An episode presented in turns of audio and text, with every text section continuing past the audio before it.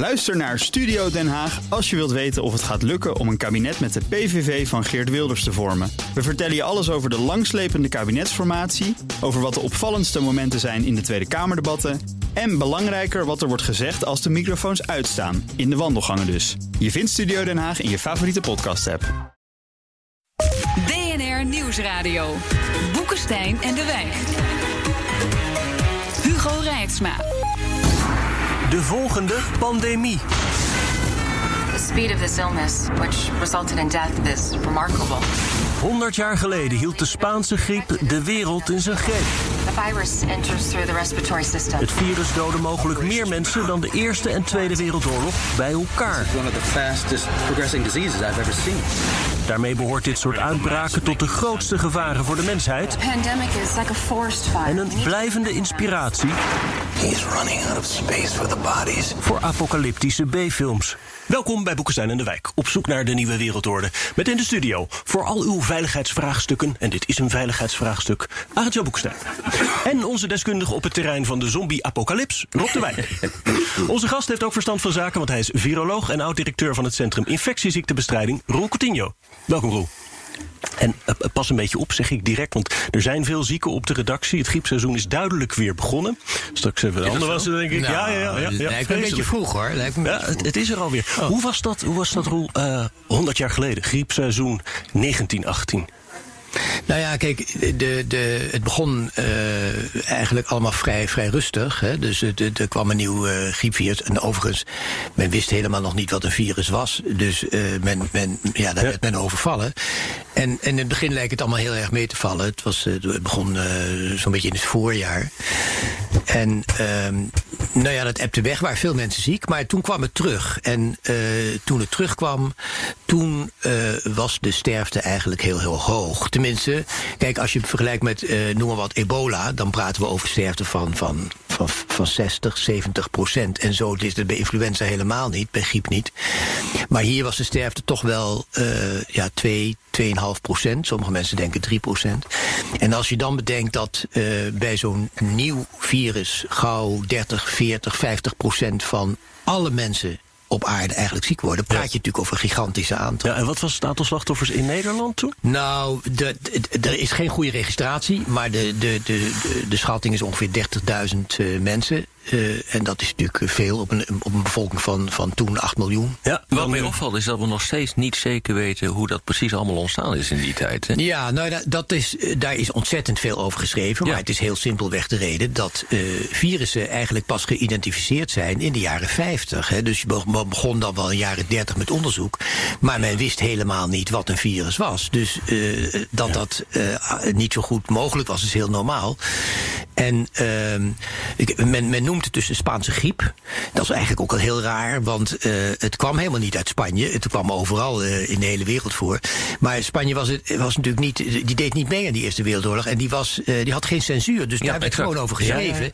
En dus zeiden mensen, het is de Spaanse griep. Nou, daar hadden ze natuurlijk, in Spanje hadden ze natuurlijk, waren ze daar niet enthousiast over. het is natuurlijk interessant om te weten of daar ook een relatie ligt met de Eerste Wereldoorlog. Hè? We, we herdenken nu het, het, het, het, het 100 jaar eh, bestand dat is eh, getekend. Ehm, eh, is daar, een, is daar een verband? Nou, ik denk dat ja, als je bedenkt dat er heel veel mensen natuurlijk dicht bij elkaar zaten. Hè? Dus die, die, dat is een van de theorieën die ik Ja, jong, jong, jonge mensen, maar dat verklaart wel dat het zich snel kan verspreiden. Want er was natuurlijk heel veel beweging, veel migratie. Hm. Maar wat het niet verklaart is de enorme sterfte. En het, Vooral onder jongeren. ja, want het is normaal is het zo dat aan de griep eh, is de sterfte hoog bij mensen die ouder zijn. Die, die zeg boven de z- 75, boven de 80 en bij hele jonge kinderen. En hier waren het eh, vooral ook de jongvolwassenen. Dus dat zijn eigenlijk tussen de 20 en de 30. En dat is, eh, dat was uniek. En men weet nog steeds niet precies waarom dat zo is. Hoe komt dan eigenlijk dat, dat er zoveel aandacht is voor die Eerste Wereldoorlog? Natuurlijk ook terecht, hè? Het, het bestand van 100 jaar geleden, maar dan zoveel minder voor die griep, die eigenlijk veel meer slachtoffers heeft gekost. Ja, nou ja, het is natuurlijk een politieke gebeurtenis, die, die, die Eerste wereld, Wereldoorlog. En inderdaad, de gruwelen waren, ja, voor zover ik weet, waren natuurlijk enorm. Maar dat verhaal van die, van die Spaanse griep speelde zich natuurlijk ook maar af in een vrij korte periode. En eh, ja, er wordt, er wordt natuurlijk in medische kringen wel veel over geschreven, maar verder eigenlijk betrekkelijk weinig. En dat is inderdaad raar. Had het eigenlijk ook politieke of sociale gevolgen, zo die, die, die uitbraak? Dat Nou, Lloyd George, eh, de premier van eh, het Verenigd Koninkrijk, was ziek op een gegeven moment. Ja, ja. ja, ja. Nou ja, Die heeft het overleefd, geloof Die ik. heeft het hè? wel Ja. overleefd, ja. Nou, ik, ik denk dat het, het had natuurlijk vooral gevolgen omdat de sterfte groot was en bepaalde mensen eh, daaraan overleden. Maar eh, toch viel dat allemaal wel mee. En, en, en een van de redenen is waarschijnlijk ook wel dat men absoluut niet wist wat, je, wat men eraan moest doen. En men verwachtte ook helemaal niet dat iemand eraan zou kunnen. Iets, 100 jaar geleden waren die verwachtingen natuurlijk heel anders. En, Wist men toen nog zo weinig? Ja, 1918. d- d- maar ja, kijk, eerlijk gezegd, we, we weten nu wel veel meer, maar we kunnen er niet veel meer aan doen. Dat is natuurlijk Nee? toch wel. Nee, want we hebben nu. Ik bedoel, eh, er is wel natuurlijk een vaccin. Dat is natuurlijk ons groot voordeel. Dat was er toen dus niet.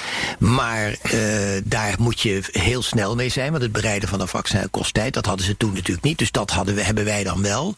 Maar behandeling is er eigenlijk, effectieve behandeling is er eigenlijk ook nog niet. Het enige verschil is wel dat. eh, de, de- ja, de vraag is waarom was de sterfte zo hoog? En dat is waarschijnlijk omdat je eh aan griep kan je. De belangrijkste oorzaak is een longontsteking. En die kan of veroorzaakt worden door het virus zelf, en dan gebeurt het heel snel. Of doordat je bovenop die eh, virale infectie een bacteriële infectie krijgt. En dat was destijds natuurlijk niet behandelbaar. En nu wel. Nu kunnen we met onze antibiotica. Met antibiotica. Kunnen we dat wel doen. Dus dat is een groot verschil. Het gevolg van de Eerste Wereldoorlog was dat er een tekort aan mannen was in de interbellum. Hè? Ja. En dat er ook nogal wat eh, eh, officieren waren overleden. En, dat, en sommige economische historici zeggen dus dat Engeland ook economische problemen had vanwege dat enorme verlies aan denkkracht, zeg maar. Bij de griep is het natuurlijk niet discriminator. Dus zowel mannen als vrouwen overlijden. Ja. En misschien is dat ook de reden dat het dan gewoon eh, minder spectaculair is. Ja, maar ja, aan de andere kant, als je je voorstelt dat er zoveel mensen overlijden, dat is, dat is echt, over, dat kunnen wij ons echt helemaal niet meer voorstellen. Dus inderdaad, de mannen en vrouwen waren, waren gelijkelijk. Dat is wel zo dat, dat mensen uit de armere eh, groepen, die, die, waren wat, die waren, hadden een hogere kans om ziek te worden. En waarschijnlijk komt dat omdat ze dichter op elkaar leefden, dus ze werden gemakkelijk geïnfecteerd. Maar voor de rest maakte het geen onderscheid. Mag ik u wat vragen? Bij een oorlog heb je nog de mazzel dat je een vrede kan tekenen. Ja. Wat meestal heel erg lastig is. En vaak leidt het ook weer tot een andere oorlog, maar het kan. Hè? Bij een eh, griepvirus, als je dus geen vaccin hebt, dan moet het dus uitwoeden. Hè? Dan moet Ja. het lichaam waarschijnlijk zelf daar dus een oplossing voor. Ja. Hoe komt het dan dat bij die vorige dingen, dat het soms even duurde? Maar dan had je het over de pest, dat is iets anders dan griep natuurlijk. hè? Nou ja, maar je moet je wel voorstellen dat we, we- we- Kijk, dat griepvirus is waarschijnlijk al, al misschien duizenden jaren bij de mensheid. Maar wij weten daar heel weinig van. Want eh, die beschrijvingen die, die waren natuurlijk wel over epidemieën. Maar of dat echt griep was, dat, dat, weten, we, dat weten we natuurlijk gewoon niet. Dus Waar, is dat, Maar- eh, waar, waar zit dat virus nu? Het gaat om het H, eh, H1N1. H1N1. En dat, Ja. die naam die kom ik nog wel eens een keer tegen. Ja, het, nou ja, dat is ook op zich wel interessant. Men dacht destijds dat het van varkens kwam. Ja. Maar dat is achteraf gezien waarschijnlijk helemaal niet juist. Want eh, die, eh, het is op een gegeven moment geïsoleerd uit varkens. Dus het bleek inderdaad precies hetzelfde virus bleek bij die varkens voor te komen als bij die mensen. Maar achteraf is het zeer waarschijnlijk dat de mensen die varkens hebben besmet en niet omgekeerd. Oké. het, is een, het is eigenlijk een vogelvirus. Dus wij, wij, het, het, het idee is dat het, het gaat van vogels naar mensen. Dan moet het zich dus aanpassen. En dat is waarschijnlijk toen ook gebeurd. En eh, ja, er waren toen ook boerderijen. En die, eh, die boeren, die hebben het dus op die varkens. En daarom heet het varkens. maar Dat, dat, dat is het eigenlijk waarschijnlijk Maar helemaal. dat virus bestaat dus nog steeds. Nou ja, nee, nou kijk, het virus is, je moet je zo voorstellen, er komt een pandemie van griepvirus. En dat blijft dan 10, 20, 30 jaar blijft dat virus circuleren. En dan op een gegeven moment hebben eh, collectief hebben we zoveel antistoffen opgebouwd, zoveel afweer opgebouwd, dat het virus zich het jaar daarna eigenlijk niet zo goed meer kan verspreiden. Omdat de meeste mensen in de bevolking eh, eigenlijk immuun zijn geworden. En dan komt er een nieuw virus. En dan komt er een nieuw griepvirus. En dat is dan weer, ja, dat kan dan H3N2 of, eh, nou ja, dat, elke keer is dat verschillend. En ons probleem is dat we niet kunnen voorspellen wanneer dat gebeurt en welk virus dat is. Was de, de Mexicaanse griep, dat, dat was de laatste pandemie eigenlijk, hè? Ja. Wa- Was dat een vergelijkbare H1N1? Dat was ook H1N1 H1N1 en die kwam uit Mexico, wat heel raar is, want meestal komen ze uit het eh, Verre Oosten, eh, is de veronderstelling. En eh, ja, dat, dat was ook onverwacht. En daar had men dus, de, daar, daar was de discussie, ja, dat virus lijkt op dat virus uit 1918. Hè. Ja, je kunt dat is wel eng dan. Nou ja, je kunt, het, je kunt het virologisch met elkaar vergelijken. En toen zei de virologen virologen zeiden, ja, maar wacht eens even, dat lijkt er wel degelijk op. Dus dat zou een enorme sterfte kunnen. Nou, dat bleek dus absoluut niet het geval te zijn. En dat was simpelweg achteraf gezien, omdat ouderen, die normaal uh, dus heel kwetsbaar zijn hiervoor, die waren niet uh, gevoelig voor dit virus. Hoe, en hoe is er toen op gereageerd, ook van overheidswegen? Nou ja, er is. Kijk, dat dus natuurlijk bij het RIVM, toch? Uh, ja, dat, die tijd. We, praten, we praten over Tien jaar geleden? Ja, nee, 2009. 2009, ja. Ja, ja bijna. Maar uh, ja, kijk, nu is dat een wereldgebeurtenis. De WHO roept dan allemaal mensen bij elkaar. En dan, is dat, dan komt er een trein in beweging. En dan ben je als land eigenlijk gewoon sta je op de zijlijn. Ik bedoel, op een gegeven moment wordt dat dan gezegd. Er is een, komt een gigantisch nieuw uh, groot probleem aan. En dan kan je wel zeggen, nou, dat valt allemaal wel mee. Maar dat, dat, dat gaat eigenlijk gewoon niet. Dus ja, wij zijn daar gewoon in meegesleept. En je bedoelt in de in de emotie rond dat. Uh, rond de emotie was enorm. Uh, en, en de angst dat het ging om een, uh, om een nieuw. Dat was toch de tijd dat Ab Klink, die toen minister van Volksgezondheid was, voor bijna een half miljard euro, 34 miljoen. Oh, ja, ik dat komt natuurlijk weer ja, te sprake. Ja, nou, 34 miljoen vaccins ja, dat zou, hij, dat zou zijn opvolger waarschijnlijk weer doen.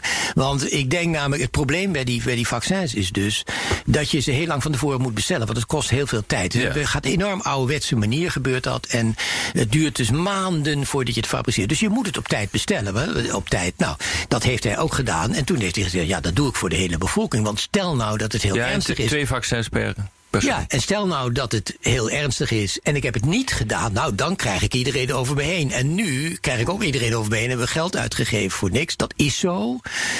Ja, ik denk dat een politicus ook nu uh, dat dat niet anders zou gaan. De, de, grote discussie was ook waarom doet Nederland twee vaccins? In Amerika werd dat anders gedaan. Frankrijk ja. Eh, werd het ook weer anders gedaan. Daar hebben ze volgens mij vaccins voor een derde van de bevolking aangeschaft. Iets in die geest. Nederland heeft dat anders gedaan, maar we zijn nogal redelijk risicomijdend volgens mij in dit deel van, uh, ja, van de wereld. Nou ja, kijk, uiteindelijk hebben die vaccins dus niet gebruikt. Hè? Dus die uh, grotendeels. En, uh, en, en de discussie over twee of één, daar is heel veel over gepraat. Ja. En, en, en het idee was dus met, uh, met één vaccin uh, is het waarschijnlijk niet voldoende. BNR Nieuwsradio. Boekenstein en de Wijk. Op zoek naar de nieuwe wereldorde. Dit is Boekenstein en de Wijk. En dat programma is natuurlijk niet zonder Arend-Jan Boekenstein en Rob de Wijk. Onze gast is viroloog Roel Coutinho en mijn naam is Hugo Reitsma. We hebben het over pandemieën. Ik noem een pest van Athene, 430 voor Christus, die een kwart van de bevolking doodde. Een derde van Europa stier van de zwarte dood. Europese pokken en mazelen decimeerden de bevolking van de Amerika's. Het is van alle tijden, hè Roel? Ja, het is van alle tijden en het is ook in de toekomst van alle tijden. Dus ja. Uh, en, en ja, daar, daar is, uh, ik bedoel, we hebben het over die grote grieppandemie uit 1918. Maar uh, in recente historie is het natuurlijk de HIV-AIDS-epidemie geweest. En het verschil ja. is dat dat heel langzaam is gegaan. Hè? Dat, dat, ik bedoel, de, de grieppandemie was een gigantische gebeurtenis. En dat is in drie, vier maanden gaf dat enorme sterfte. Terwijl bij HIV-AIDS is dat natuurlijk heel langzaam gegaan. En zijn mensen eraan gewend geraakt. Maar achteraf gezien Uh, als je nu nog kijkt, dan denk je, ja, hoe is het mogelijk? Dat is in onze moderne tijd. De, de, dus zoveel miljoenen mensen daaraan dood zijn gegaan. Uh, als dat, laten we zeggen, in een korte periode was geweest, de paniek enorm. Nu was het ja. heel relatief langzaam. Maar dat is eigenlijk het beste voorbeeld van dat je we helemaal niet, we hebben dat helemaal niet in de hand. Nou ja, we hebben een strategie nationale veiligheid in dit land. Hè. Daar wordt eigenlijk alle ellende wordt daar uh, doorgerekend uh, in termen van uh, waarschijnlijk en in termen van ernst. En dan moeten de maatregelen worden genomen. De enige keer dat die strategie echt helemaal is doorgerekend, is in het geval van die Mexicaanse griep van, van tien jaar geleden. Wat je vervolgens ziet, is dat door alle maatregelen die toen zijn genomen, uh, eigenlijk de de ernst en de waarschijnlijkheid lager nu worden ingeschat. Van een je, pandemie. Van, de, van ja. zo'n pandemie. Denk je dat dat terecht is?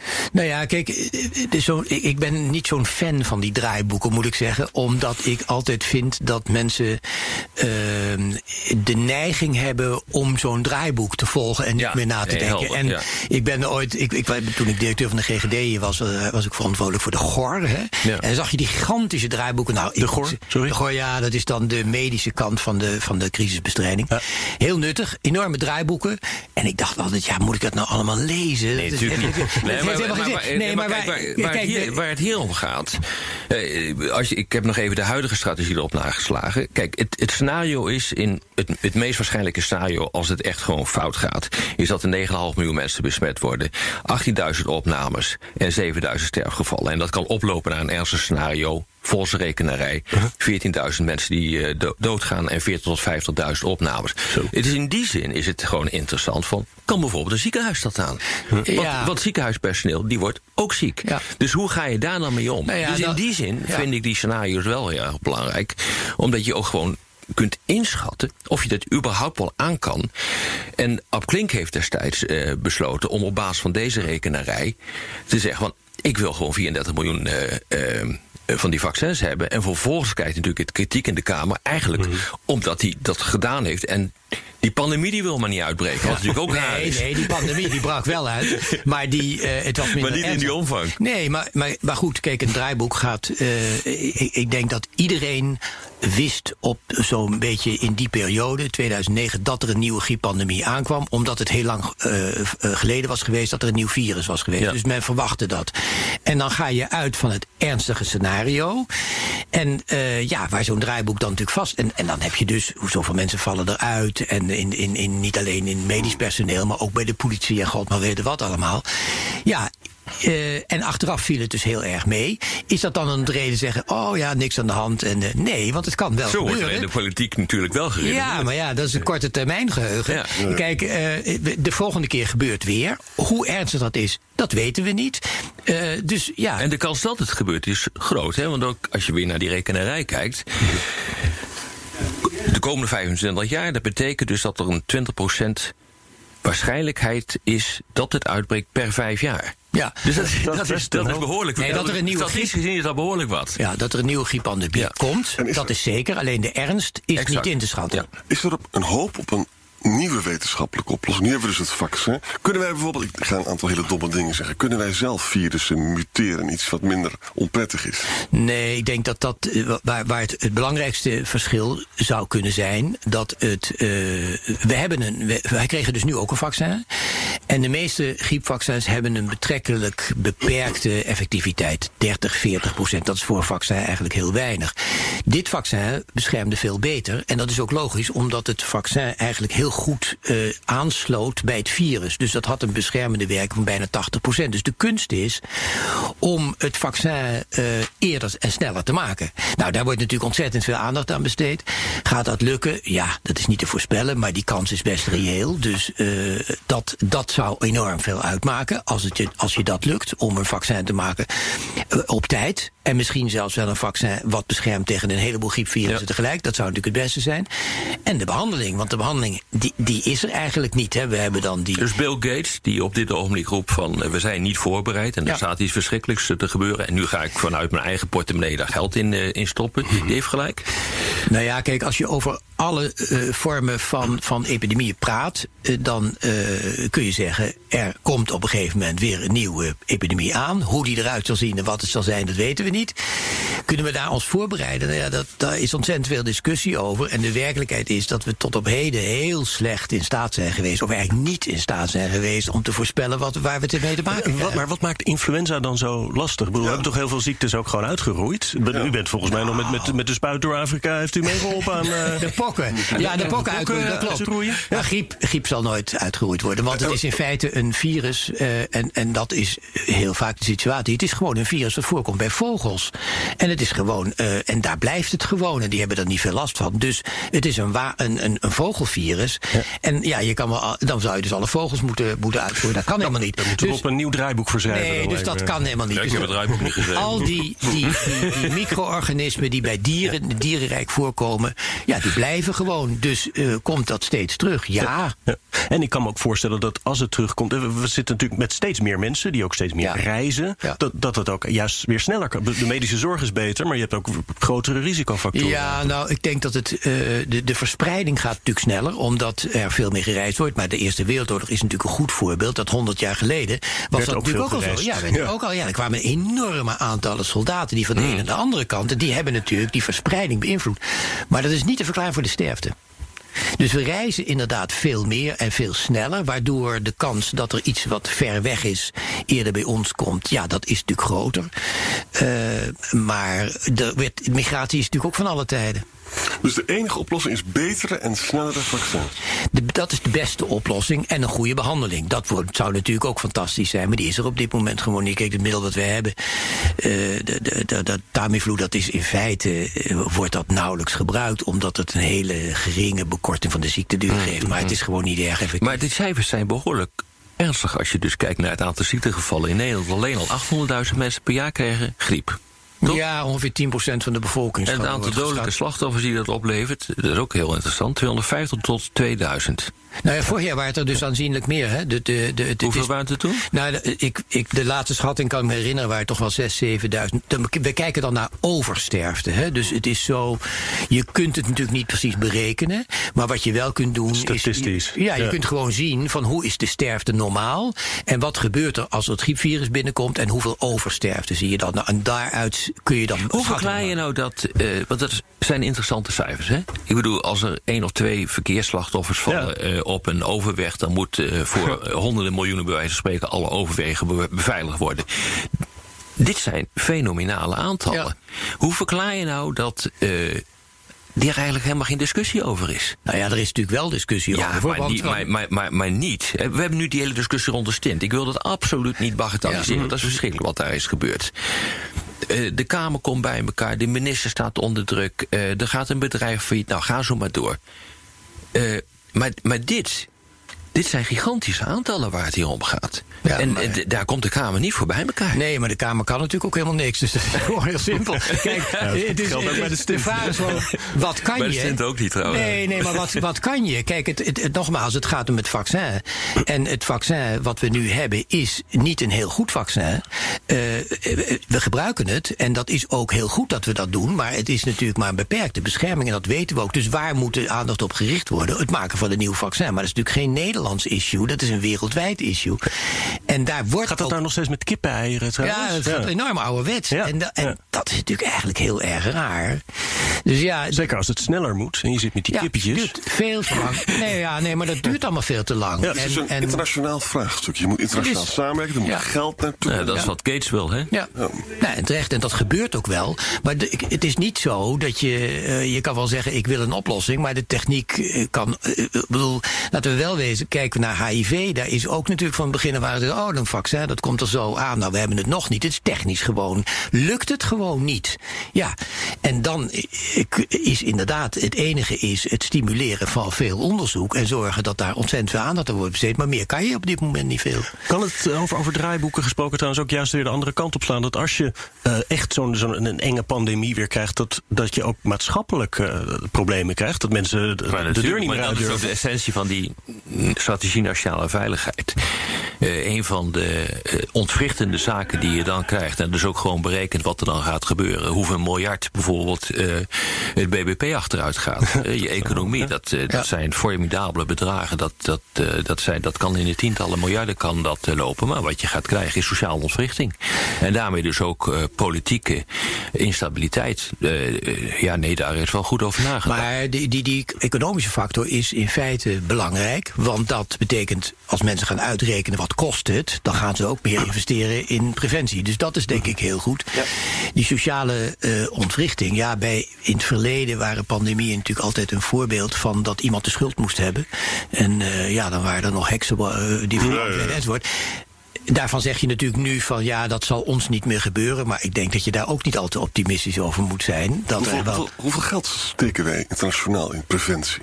ja, nou, in het algemeen weet ik het niet. Maar het is al zeker veel. Het is natuurlijk veel en veel en veel en veel minder dan curatief. Uh, behandeling. En. Uh, ja, dat, dat, dat, het voorkomen van dingen. En, en laten we wel wezen, hier praat je over infectieziekten. Daar kun je relatief wat mee. Maar heel veel leefstijlaandoeningen is natuurlijk veel moeilijker. En, en kunnen we, de, Rob had het dus over een kans, de, de, grote kans op een nieuwe pandemie. Wat, kun je zeggen wat de kans is op een apocalyptische pandemie? nee, ik ben, optimistisch ik, nee, ik ben Zeker, ja, dat zoek ik altijd even. Ik ben geen doemdenker. Ik, nee. ik, ik denk dat het reëel is om te zeggen: ja, er komt een nieuwe pandemie aan. Wat het is en hoe ernstig het is, is volkomen onvoorspelbaar. En wanneer het gaat gebeuren is idem precies hetzelfde. Dus dat weten we gewoon niet. Het blijft onvoorspelbaar met die apocalyps. Dit was weer Boekenstein en de Wijk. Namens Arjan Boekenstein en Rob de Wijk zeg ik dank voor het luisteren. Speciale dank aan professor Coutinho. Boekenstein en de Wijk is elke zaterdag om 11 uur op de radio... maar wanneer u maar wil online via iTunes, Spotify of de BNR-app. Abonneert u zich op de podcast en daar kunt u ook reageren. Graag zelfs. Bij leven en welbevinden. Tot volgende week. Ook Bas van Werven vind je in de BNR-app. Ja, je kunt live naar mij en Iwan luisteren tijdens de ochtendspits. Je krijgt een melding van Breaking News. En niet alleen onze podcast Ochtendnieuws, maar alle BNR-podcasts vind je in de app. Download nu de gratis BNR-app en blijf scherp.